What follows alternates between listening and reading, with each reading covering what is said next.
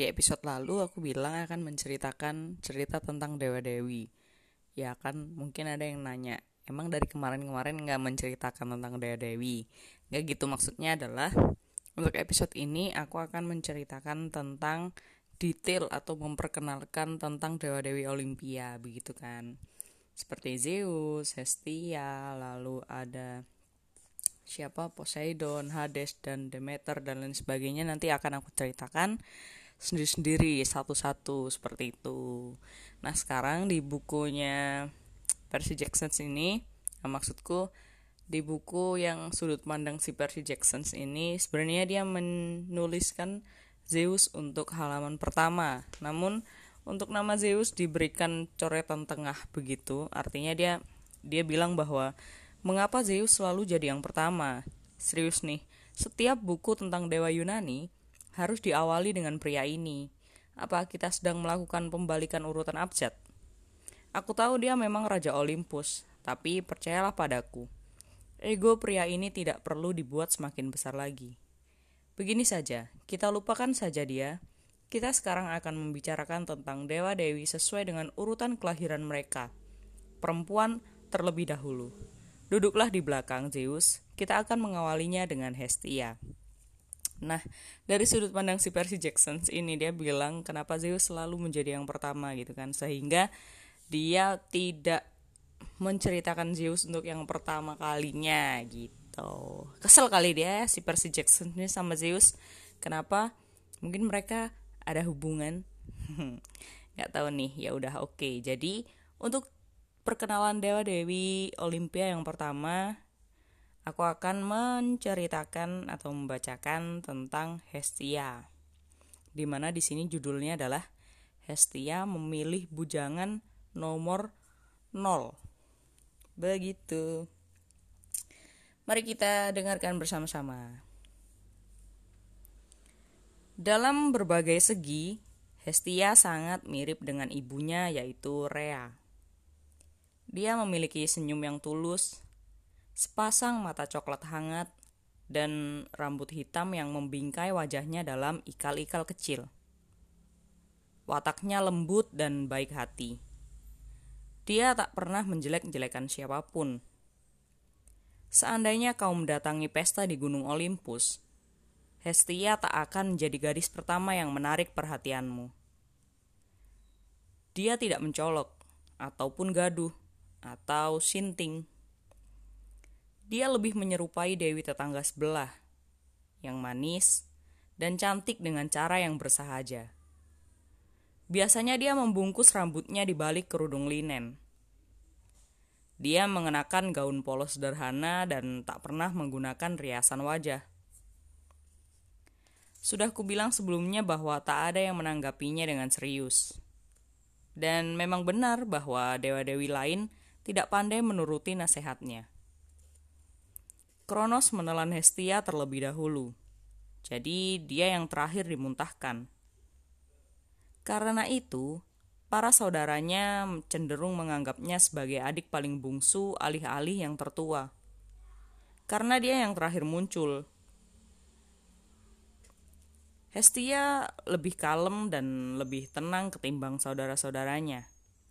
Tapi itu tidak berarti mereka tidak menyayanginya.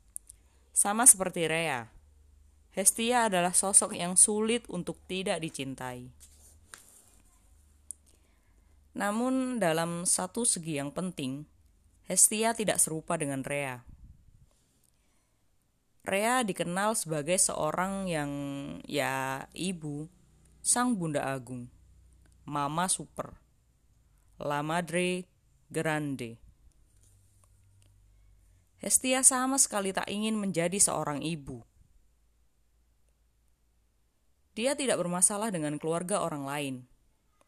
Dia menyayangi saudara-saudaranya, dan begitu mereka mulai memiliki anak-anak mereka sendiri, dia pun menyayangi mereka.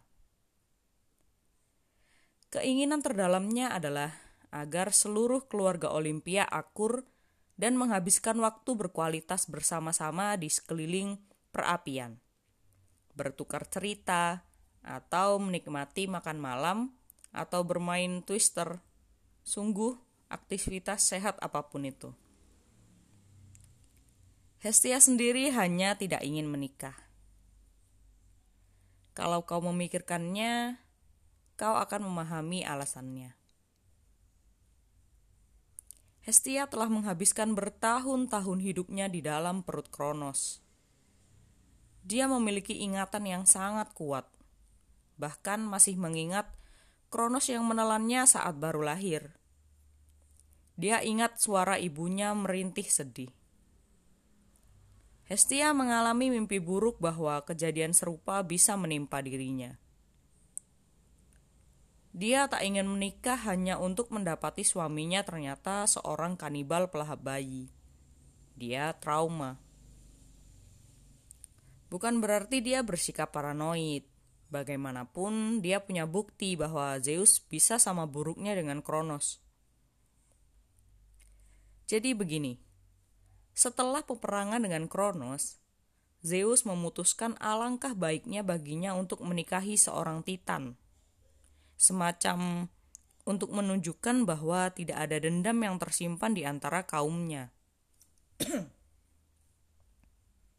Maka dia menikahi salah satu putri Oceanus, sesosok gadis bersama Metis yang merupakan titan bagi nasihat baik dan perencanaan semacam mentor kehidupan bagi Titan.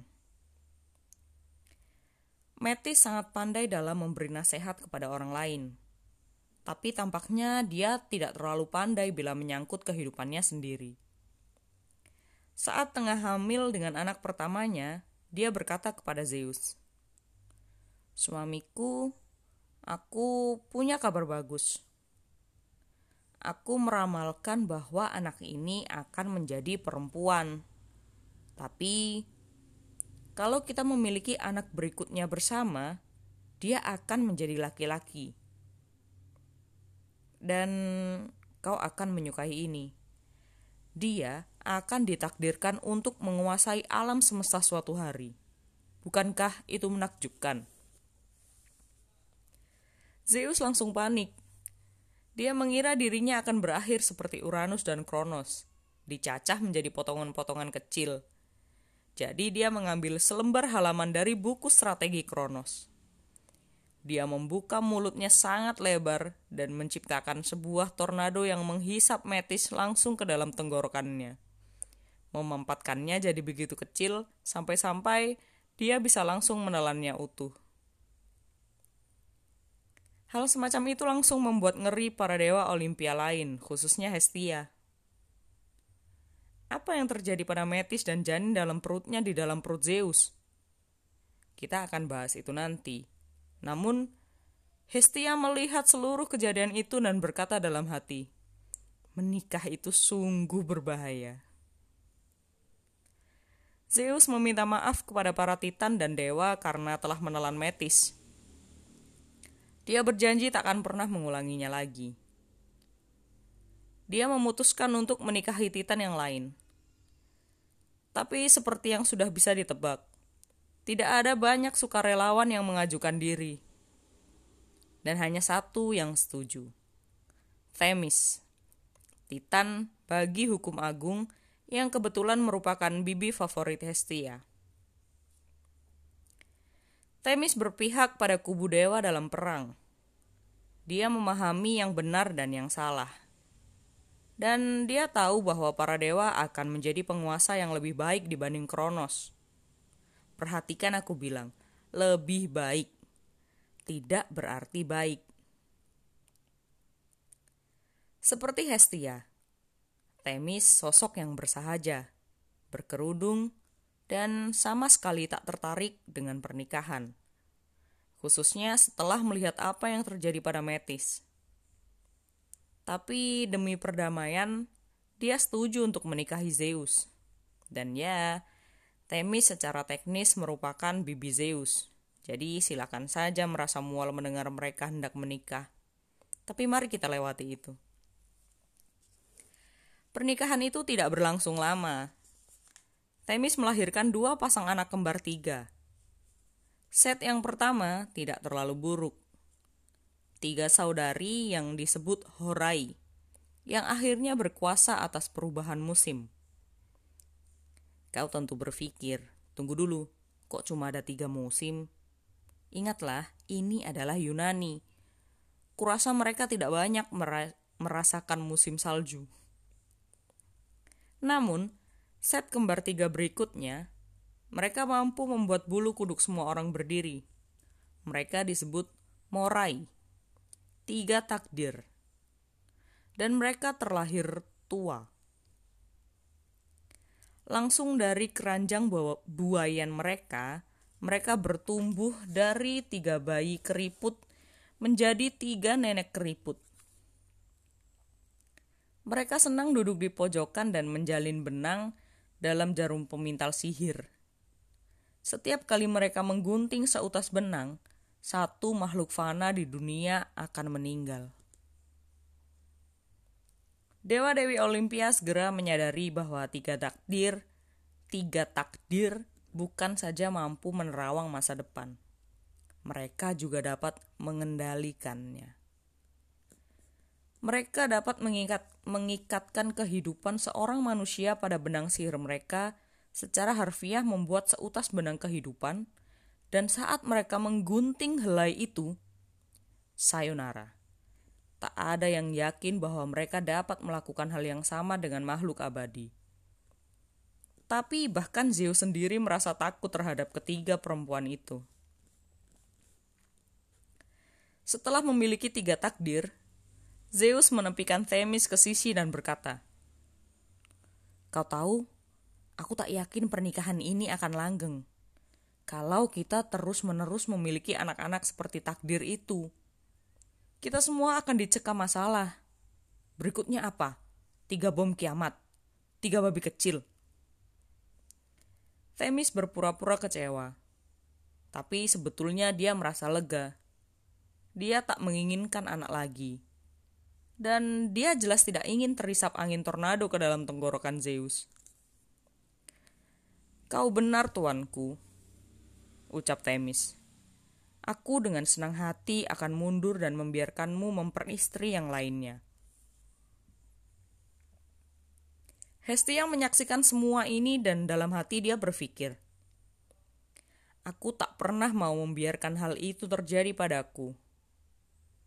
Dengan keberuntunganku, aku akan menikahi seorang dewa dan melahirkan The Three Stooges. Jangan sampai deh, kemungkinan itu begitu mengerikan. Dia memutuskan lebih baik baginya untuk tetap melajang dan berkonsentrasi untuk membantu saudara-saudaranya membesarkan keluarga mereka. Dia bisa menjadi layaknya seorang bibi yang keren, bibi yang lajang, bibi yang tidak memiliki bayi nenek-nenek keriput. Hanya saja ada satu masalah. Beberapa dewa memiliki gagasan yang lain. Poseidon terus-terusan melirik Hestia dan berpikir, Hei, dia cantik juga. Kepribadiannya bagus. Mudah untuk bergaul dengannya. Aku sebaiknya menikahinya. Ya, kita telah kembali lagi ke persoalan pernikahan antar saudara. Mari kita keluarkan saja dari sistem tubuh kita. Ayo sama-sama. Tu, waga. Dewa Olimpia yang lebih muda, atau Apollo, juga ingin menikahi Hestia. Kita akan bicarakan soal dia nanti saja, tapi itu akan menjadi pasangan yang aneh. Mengingat Apollo merupakan salah satu dewa yang paling mencolok. Mengapa dia menikahi Hestia yang tenang dan bersahaja? Aku juga tidak mengerti. Barangkali dia menginginkan seorang istri yang takkan pernah mampu mengunggulinya. Yang kemudian terjadi, kedua dewa itu mendekati Zeus pada hari yang sama, meminta izinnya untuk menikahi Hestia. Terdengar aneh mengetahui mereka malah menanyakannya pada Zeus dan bukannya kepada Hestia. Tapi, seperti yang mungkin sudah kau sadari, para pria ini tidak terlalu sensitif dengan masalah seperti itu. Zeus, selaku Raja Kosmos, memegang keputusan akhir pada semua pernikahan yang terjadi.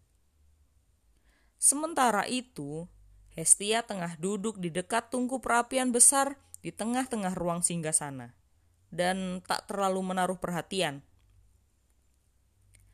Pada masa itu, kau akan memerlukan tungku sentral seperti sebuah lubang, lubang api terbuka di ruang utamamu. Karena ia menyediakan kehangatan di hari-hari yang dingin. Di sana juga menjadi tempat untuk memasak, mendidihkan air, mengobrol, memanggang roti, membakar marshmallow, dan juga mengeringkan kaos kakimu. Pada dasarnya tempat itu merupakan pusat kehidupan keluarga. Hestia selalu menghabiskan waktunya di sana, seakan dia sudah mengambil tanggung jawab untuk menjaga nyala api di rumah. Itu membuatnya merasa senang, khususnya ketika keluarganya berkumpul untuk makan. Zeus berteriak, "Hei Hestia, kemarilah!" Hestia menghampiri kursi singgasananya dengan cemas, memandangi Poseidon dan Apollo yang sedang menyeringai ke arahnya. Sambil menggenggam baket bunga dan sekotak permen. Hestia hanya membatin, Wow. Kabar bagus, ucap Zeus. Kedua pria hebat ini ingin menikahimu. Karena aku adalah raja yang berkuasa dan pria yang bijaksana, akan kubiarkan kau memilih. Bujangan nomor satu, Poseidon. Menyenangi berjalan-jalan menyusuri pantai dan scuba diving. Lalu bujangan nomor dua, Apollo. Menyukai musik dan puisi, dan menghabiskan waktu luangnya dengan membacakan ramalan di Oracle Delphi.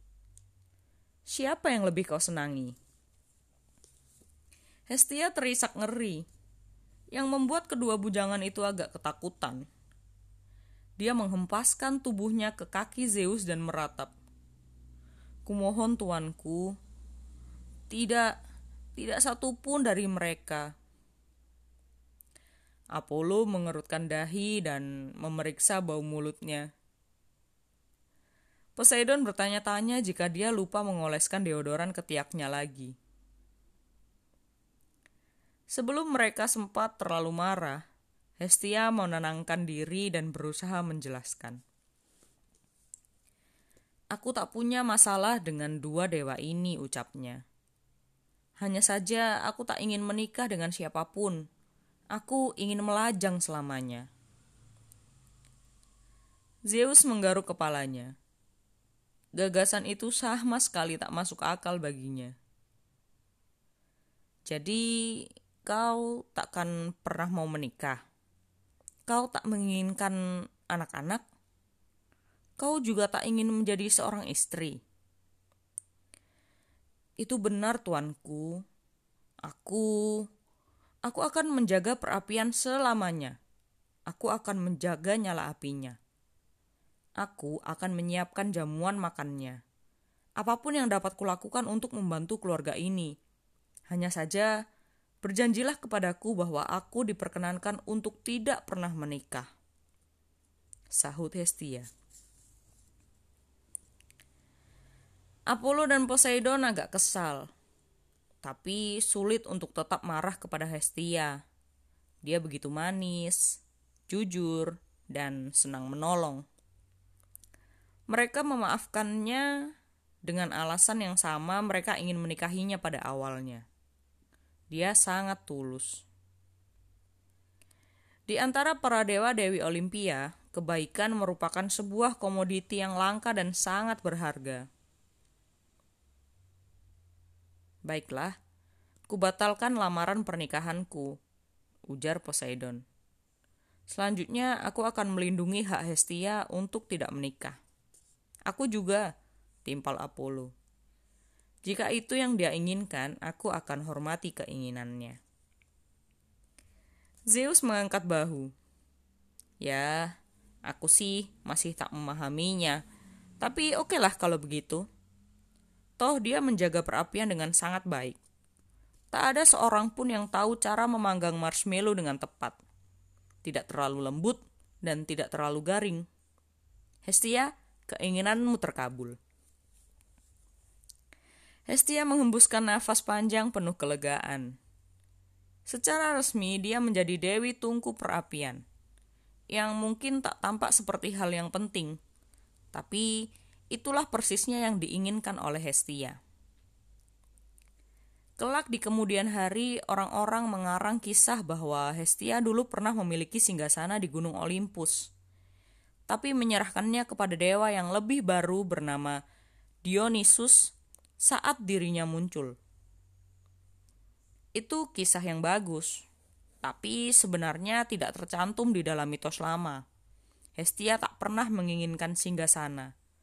Dia terlalu berusaha aja untuk itu. Perapiannya menjadi pusat pereda badai setiap kali dewa-dewi Olimpia berseteru. Semua tahu, tungku api itu merupakan teritori netral. Kau bisa pergi ke sana untuk beristirahat sejenak, minum secangkir nektar, atau berbincang dengan Hestia saja. Kau bisa mengambil nafas tanpa ditegur oleh siapa pun, semacam benteng dalam permainan kejar-kejaran. Hestia menjaga semua orang. Karena itu, semua pun menjaga Hestia. Contoh paling terkenalnya. Suatu malam Ibu Rea mengadakan sebuah pesta besar di Gunung Ida demi merayakan peringatan kemenangan Dewa Dewi Olimpia atas Kronos. Semua dewa dan para titan yang bersahabat diundang, bersama dengan Lusinan Nim dan Satir.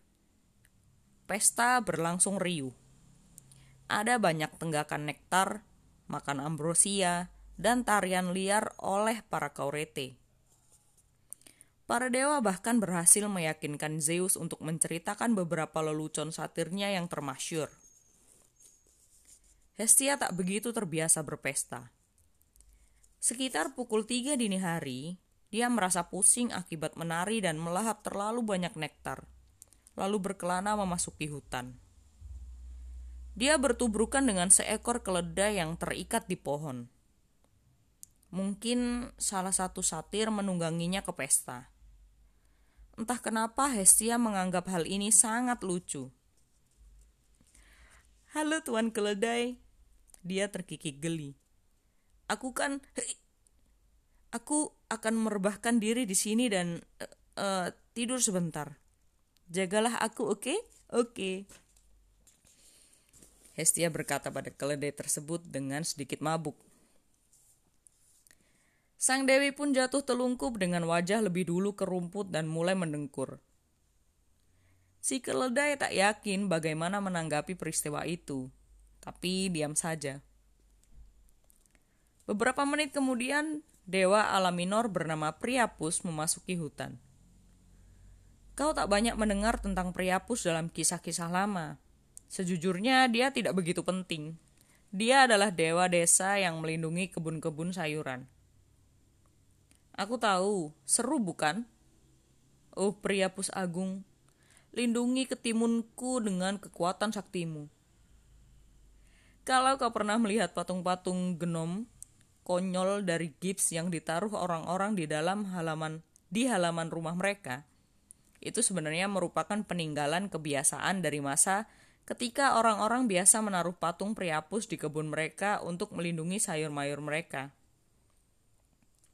Omong-omong, Priapus sangat gemar berpesta dan menggoda perempuan. Dia minum banyak malam itu. Dia menjelajahi hutan untuk mencari beberapa nim atau dewi lugu yang dapat menghangatkan malamnya. Saat dia tiba di hamparan rumput dan mendapati sesosok perempuan cantik yang pingsan di rerumputan, mendengkur dengan begitu memikatnya di bawah cahaya rembulan, dia berpikir, "Yes." Priapus menyelinap mendekati Hestia. Dia tak tahu dewi mana itu, tapi dia tidak begitu peduli. Dia merasa yakin jika dirinya meringkuk ke sisinya, Dewi itu akan senang begitu terbangun. Karena hei, siapa yang tak ingin bercumbu dengan dewa sayur mayur? Dia berlutut di sisinya. Sang Dewi beraroma lezat, seperti asap kayu dan marshmallow panggang. Dia menyusurkan jemarinya ke rambut gelapnya dan berkata, Hei sayang, bagaimana menurutmu kalau kita menghangatkan tubuh bersama? Dalam kegelapan di dekatnya, si keledai tampaknya berpikir itu merupakan ide hebat. Dia meringkik. Uh, gimana ya? How? Uh, gitu mungkin bunyi dari keledai ya.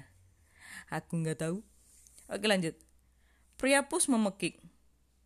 Hah? Hestia sontak terbangun, merasa ngeri menemukan sosok dewa sayuran bersandar di atas tubuhnya. Tangannya berada di rambutnya. Dia pun menjerit, "Tolong!" Kembali di pesta, para dewa lain mendengar teriakannya. Langsung saja mereka meninggalkan apa pun yang tengah mereka perbuat dan berlari untuk menyelamatkannya. Karena kau tak boleh macam-macam dengan Hestia. Saat mereka mendapati Priapus, semua dewa mulai mengeroyokinya, melempari gelas piala ke kepalanya, meninjunya, dan mengolok-oloknya. Priapus nyaris tak selamat keluar dari sana. Di kemudian hari, Priapus mengaku dirinya sama sekali tak tahu sedang menggoda Hestia. Dia mengira perempuan itu hanya Nim atau semacamnya. Tetap saja, Priapus tak lagi diterima di pesta-pesta yang diselenggarakan di Olimpia. Setelah peristiwa itu, semua menjadi semakin protektif terhadap Hestia. Nah, ada satu bagian kisah Hestia lagi yang lumayan penting. Tapi aku terpaksa berspekulasi di sini. Karena kau takkan menemukannya dalam mitos-mitos lama.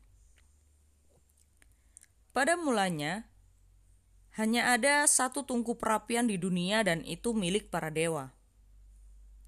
Api sudah merupakan properti merek dagang mereka. Kaum manusia yang remeh tak tahu cara membuatnya. Mereka masih meringkuk di gua-gua, menggeram sambil mengupil dan saling memukul dengan gada mereka. Sang Titan Prometheus yang telah menciptakan manusia-manusia kecil itu dari tanah liat merasa kasihan pada mereka. Lagi pula, dia menciptakan mereka agar terlihat seperti para makhluk abadi. Dia merasa cukup yakin manusia-manusia itu juga sanggup bertingkah seperti makhluk abadi. Mereka hanya perlu sedikit dibantu untuk memulainya. Setiap kali Prometheus mengunjungi Olympus, dia menyaksikan para dewa berkumpul di perapian Hestia. Api merupakan satu-satunya hal terpenting yang menjadikan istana itu serasa rumah. Kau bisa menggunakan api untuk menjaga tubuhmu tetap hangat. Kau bisa memasak dengannya. Kau bisa membuat minuman hangat.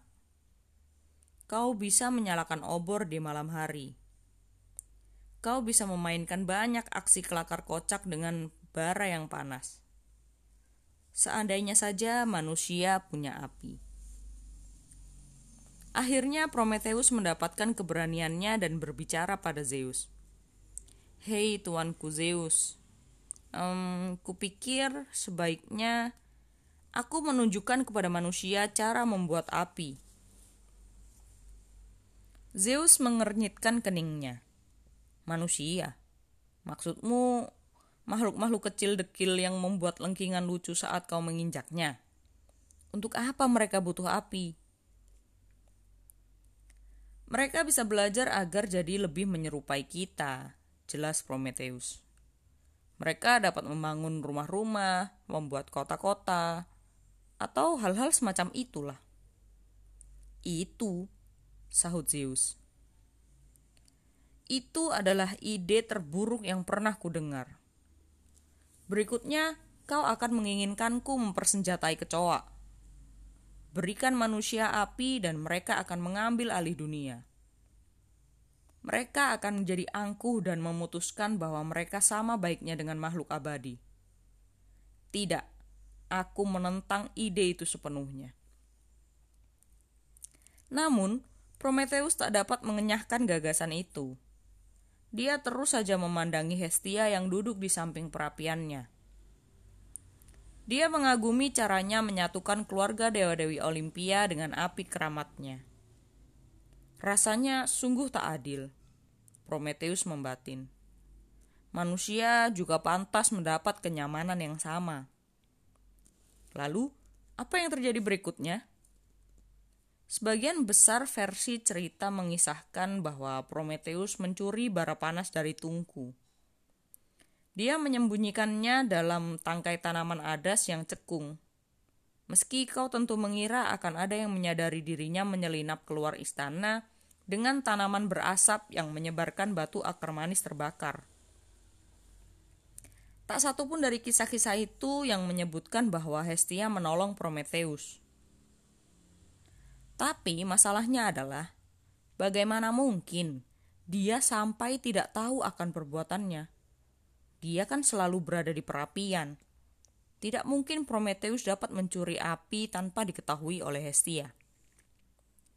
Secara pribadi, kurasa dia bersimpati pada Prometheus dan, dan manusia-manusia kecil itu. Hestia memang berhati baik seperti itu. Kurasa entah dia menolong Prometheus atau setidaknya menutup mata dan membiarkannya mencuri bara panas itu. Apa pun itu, Prometheus akhirnya berhasil menyelinap keluar dari Olympus dengan stik akar manis terbakar rahasianya dan memberikannya kepada para manusia. Dibutuhkan beberapa waktu bagi mereka untuk belajar menggunakan benda yang panas membara itu tanpa membunuh diri mereka sendiri. Tapi akhirnya mereka mampu menguasainya dan gagasan itu pun kemudian langsung menyebar seperti ya kebakaran liar. Biasanya Zeus tidak terlalu menaruh perhatian pada apa yang terjadi di bumi. Lagi pula, langitlah wilayah kekuasaannya. Tapi pada suatu malam yang jernih, saat berdiri di balkon di Gunung Olympus, dia menyadari Dunia dipenuhi bintik-bintik cahaya. Di rumah-rumah, di kota, bahkan beberapa desa. Kaum manusia telah keluar dari gua-gua mereka. Dasar anak sialan itu. Prometheus telah mempersenjatai kecoak. Gerutu Zeus. Di sampingnya, Dewi Hera berkata, Hah? Apa? Bukan apa-apa. Dia berteriak kepada para pengawalnya. Cari Prometheus dan bawa dia kemari. Sekarang. Zeus tak senang. Dia tak suka bila ada yang membangkang dari titahnya. Khususnya bila pelakunya adalah Titan yang dengan murah hati telah diselamatkan Zeus seusai perang. Zeus sangat kesal hingga dia memutuskan untuk menghukum Prometheus dengan cara yang takkan mungkin dilupakan siapa pun.